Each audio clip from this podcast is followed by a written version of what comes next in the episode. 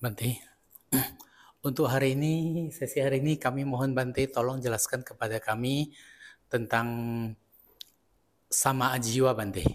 Mata pencaharian benar ya Bante ya? Benar gak? Hmm, ya. Sama jiwa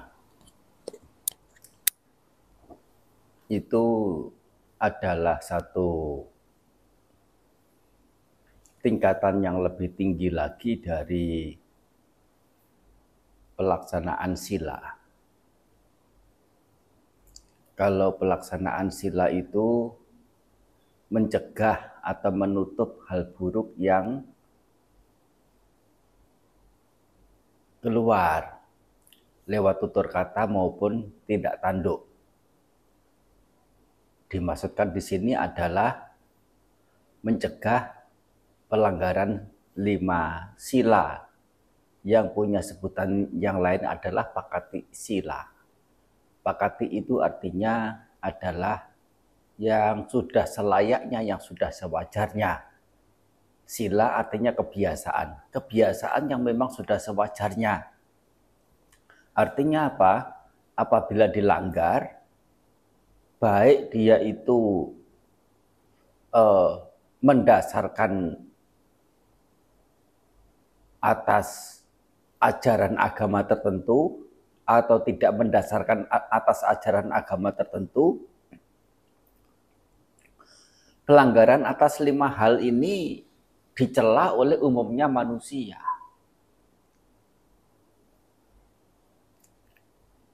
Sebutannya yang lain adalah pakatik wajah. Wajah itu artinya ketercelaan keter, uh, uh, ketercelaan atas uh, apa hal-hal yang dilakukan namanya pakati wajah. Nah, ini adalah bagian dari pelaksanaan jalan Arya berunsur delapan. pelaksanaan sila ini di mana pelaksanaan sila ini didasari dengan memahami empat kebenaran Arya.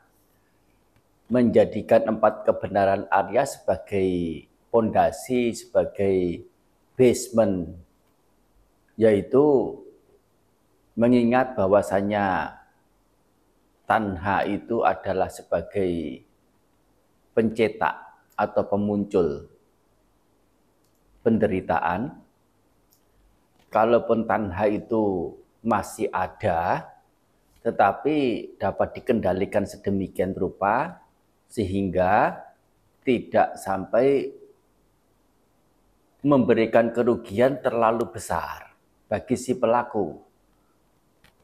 Ah, jadi secara tindak tanduk, secara tutur kata itu bisa dibatasi yaitu melakukan hal yang baik yang pantas. Namanya adalah uh, ini punya tata perilaku dan tutur kata yang baik. Untuk selanjutnya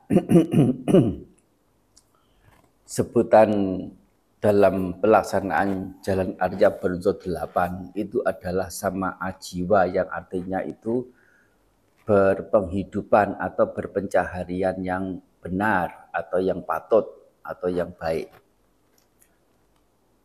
Berpencaharian yang benar ini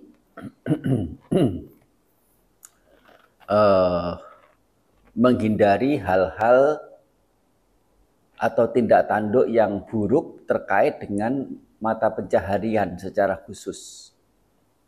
Melakukan pencaharian yang benar. Nah, pencaharian yang tidak patut, tidak pantas bagi seorang siswa Arya itu apa saja? Yaitu menghindari memperjualbelikan orang untuk dijadikan sebagai budak. Artinya memperjualbelikan orang dari satu uh, pihak ke pihak lain tanpa pihak yang diperjualbelikan itu punya hak dalam menentukan dirinya sendiri, mau atau tidak mau.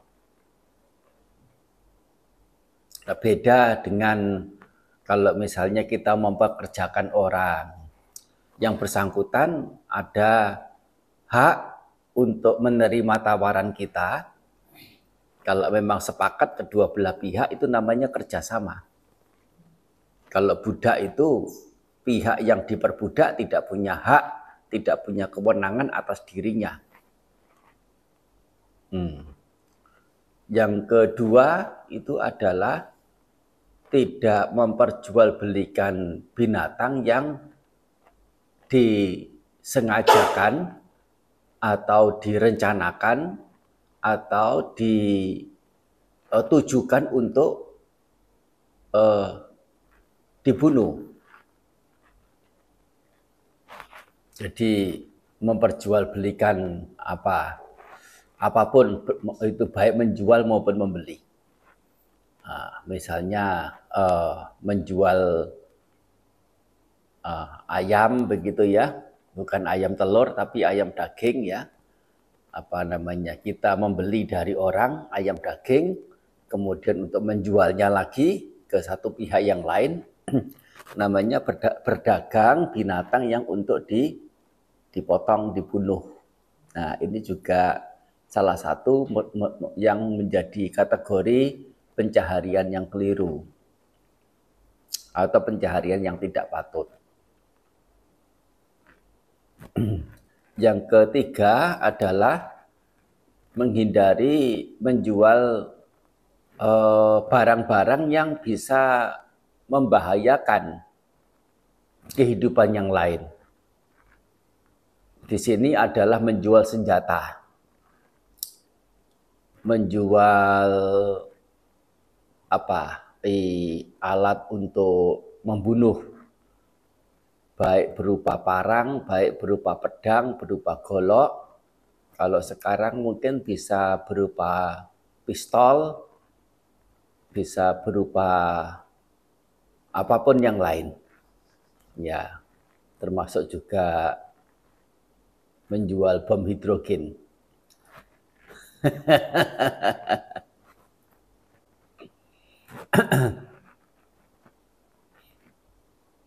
menjual menjual senjata HIMARS juga termasuk.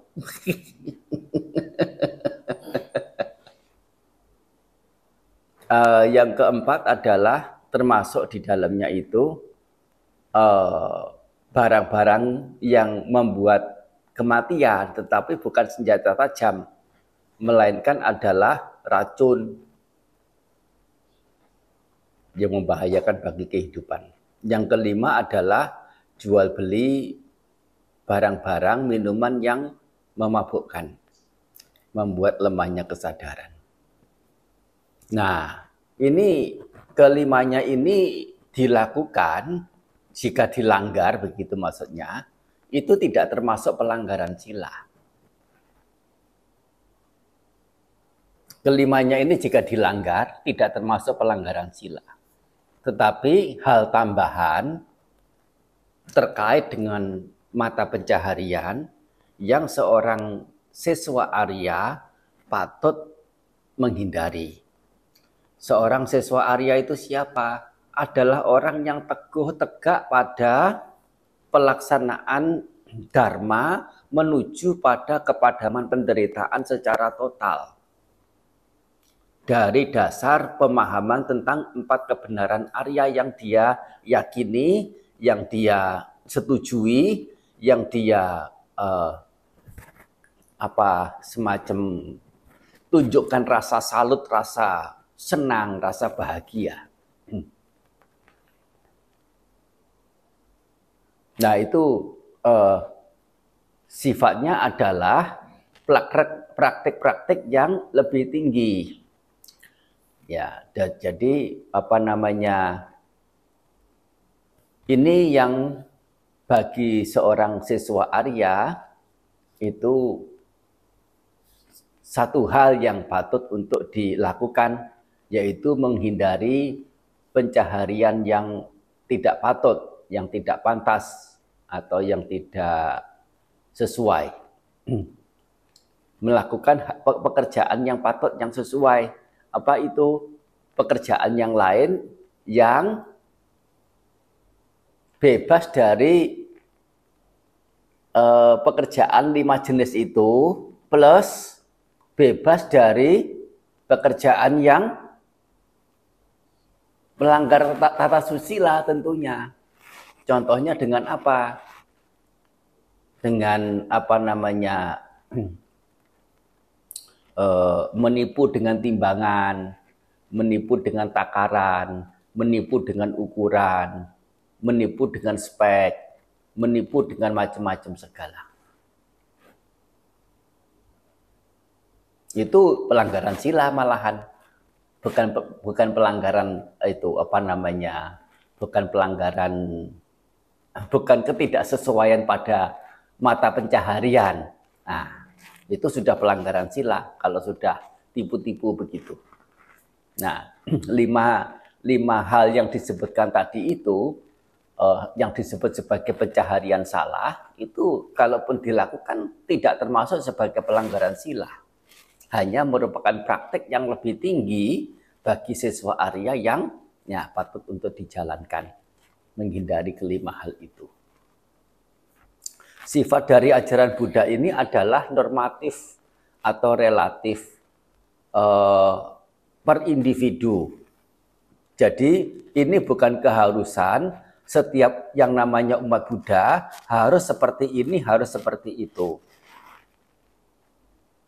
Sehingga beberapa orang uh, bisa memilih pekerjaan sehingga terjauhkan dari pencaharian-pencaharian yang dikatakan tidak patut itu.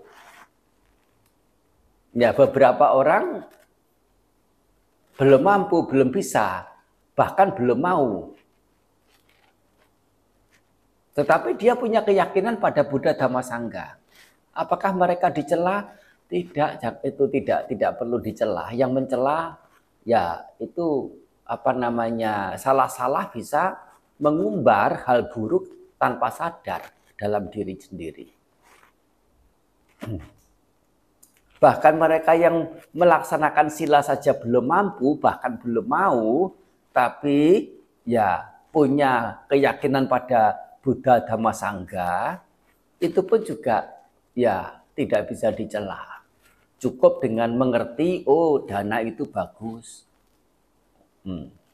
Dana eh, apa dipuji oleh Sang Buddha dan dibabarkan sedemikian rupa sebagai hal yang bermanfaat untuk diri sendiri sehingga aku mau melakukannya dan sebagainya.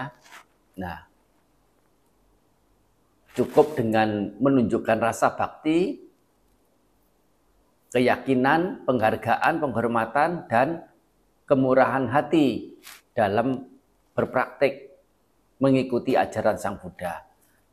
Kalaupun hanya kemampuannya sampai di situ, ya itu memang sudah apa namanya eh, takaran untuk orang tersebut dan tidak perlu disamaratakan kepada orang lain yang harus punya mata pencaharian yang patut sama bayam eh, sama ajiwa atau bahkan eh, tidak diharuskan eh, disamaratakan untuk ikut samata bawana vipassana bawana.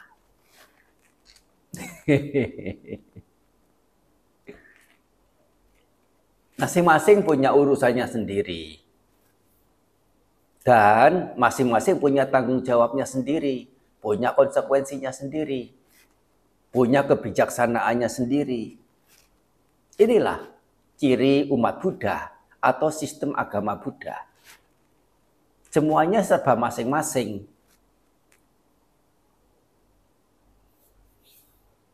Tetapi ya itu, oleh karena apa? Kenyataannya memang setiap orangnya itu punya potensi yang berbeda-beda, punya kualitas, punya indria yang berbeda-beda punya kecenderungan yang berbeda-beda. Prakteknya mau disamaratakan itu tidak mungkin. Tidak mungkin. Tahu seperti itu, tidak ada penggarisan bagi umat Buddha itu untuk menjelaskan ini. Tidak ada. Hanya kalau mau menjalankan sila, alih-alih sekedar me, apa namanya menaruh keyakinan pada Buddha Dhamma Sangha, Sang Buddha memuji. Bukan hanya mau menjalankan sila, tetapi mau menjalankan dharma yang lebih tinggi lagi, mengembangkan meta, cinta kasih, Sang Buddha akan memuji. Menyingkirkan niwarana, atau penghalang-penghalang batiniah, kotoran-kotoran batin, sehingga masuk dalam nilai keluhuran, mendapati kebahagiaan yang bebas dari kesenangan indrawi, Sang Buddha memuji. Sebatas itu saja. Jadi tidak ada yang namanya keharusan bagi umat Buddha itu eh, apa, stra, apa apa namanya itu dianggap sebagai strata beragama Buddha itu harus demikian, demikian, demikian, tidak ada. Masing-masing punya ukurannya sendiri, lebih dari itu punya tanggung jawab pada diri masing-masing, punya konsekuensi, punya konsekuensi pada diri masing-masing, punya pemahaman kebijaksanaan yang ada pada diri masing-masing, punya kemampuan dan kemampuan, punya kemampuan dan kemauan ada pada diri masing-masing. Yang tinggi tidak perlu mencela yang lebih rendah, yang masih berada di tempat rendah tidak perlu rendah diri kepada mereka yang sudah tinggi. Oleh karena apa? Masing-masing punya potensinya sendiri. Dan saling mencela atau berendah diri itu bagian dari apa? Bagian dari uh, hal yang tidak menunjang bagi diri sendiri untuk bisa lebih maju untuk diri sendiri lagi juga. Nah, begitu tidak ada. Masing-masing punya urusannya sendirilah. Gampangan begitu. Punya urusannya sendiri. Nah, tapi saling dukung, saling punya pengharapan baik. Hmm. Untuk apa dia datang ke wihara? Kalau hari-hari masih tipu-tipu gitu. Untuk apa dia datang ke wihara kalau hari-hari masih mabuk begitu?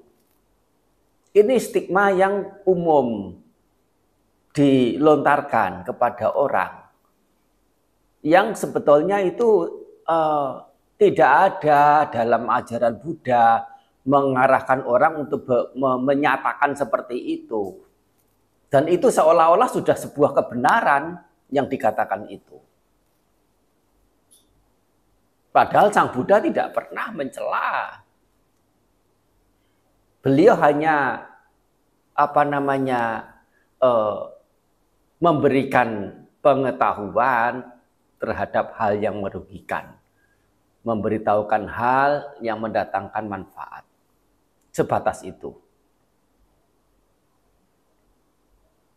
Jadi bagaimana terhadap mereka yang masih melakukan hal-hal yang tidak patut, ini itu dan sebagainya, uh, apa pun bentuknya, baik terbuka maupun tersembunyi. uh, masih untung dia mau datang ke wihara. Meskipun masih melakukan hal-hal seperti itu. Artinya apa? Punya potensi untuk berubah. Tidak cepat, bisa lambat. Kalaupun sampai tidak berubah, setidaknya dia sudah punya pandangan yang benar, pandangan yang baik, tapi karena keterbatasan tertentu, entah keterbatasan secara sosial atau eh, apa lahiriah atau keterbatasan secara eh, apa namanya ekonomisnya, ya dia masih melakukan. Nah, sehingga ya itu adalah urusan dia lagi. Itu personal seseorang, kebebasan seseorang, hak asasi seseorang, tidak perlu dipaksa-paksa harus berpakaian begini, begitu. Hmm, tidak ada pemaksaan. harus melakukan ini, melakukan itu, berapa kali sehari. Nah, tidak ada pemaksaan, tidak ada kewajiban. Yang ada kewajiban yang mesti diri masing-masing tumbuh kembangkan untuk diri sendiri. Tidak ada kewajiban bagi pihak yang lain. Ini apa namanya? Eh, di satu sisi adalah apa ketidakjelasan ajaran Sang Buddha itu tidak ada tuntunan, tidak ada panduan, tidak ada garis yang jelas umat Buddha itu harus bagaimana. Tetapi di satu sisi yang lain adalah uh, menempatkan umat Buddha segala usia, segala uh, golongan, segala perbedaan apa pun yang ada, ya seutuhnya adalah sosok yang dewasa, sosok yang mandiri, sosok yang yang yang mesti, nah apa namanya uh, berkecimpung dengan ya urusan diri sendiri. Artinya ya cukup diri diri yang bersangkutan itulah yang mengurus diri sendiri. Yang lain ya sebatas kalau apa namanya orang itu ada potensi untuk uh, mengerti dan punya potensi untuk bisa diberitahu, yang memberitahu juga punya pengharapan baik untuk memberitahu, saling berbagi pengetahuan, ada yang menerima pengetahuan, itu adalah hal yang baik. Ya, kira-kira begitu ya. E, pertanyaannya tidak imbang dengan jawabannya. Pertanyaannya hanya apa? Pencaharian yang baik bagaimana ya. Tapi bisa lari ke mana-mana. Tapi itu memang kait mengait ya. ya. Kait mengait. Super penting. sapi tiyo viva